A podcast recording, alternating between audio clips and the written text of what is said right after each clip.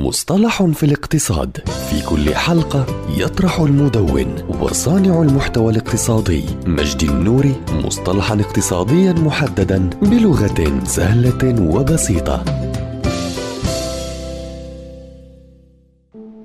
الإيجار المشترك هو ترتيب قانوني يتشارك فيه طرفان أو أكثر حقوق الملكية في عقار أو قطعة أرض بحيث يجوز لكل مالك مستقل التحكم في نسبة متساوية أو مختلفة من إجمالي الممتلكات سواء كانت تجارية أو سكنية. والأطراف هنا يعرفون بأنهم المستأجرون المشتركون. ويعتبر هذا النوع أحد ثلاثة أنواع من الملكية المشتركة. والنوعان الآخران هما الإيجار المشترك والإيجار الكلي. كما يمكن لمستأجر واحد أو أكثر شراء الحصص الأخرى لحل عقد الإيجار المشترك في اتفاقية مشتركة. وفي الحالات التي لا يمكن فيها التوصل إلى تفاهم قد يتم إجراء التقسيم الذي قد يكون طوعيا أو جبريا بأمر من المحكمة عند حدوث الخلافات.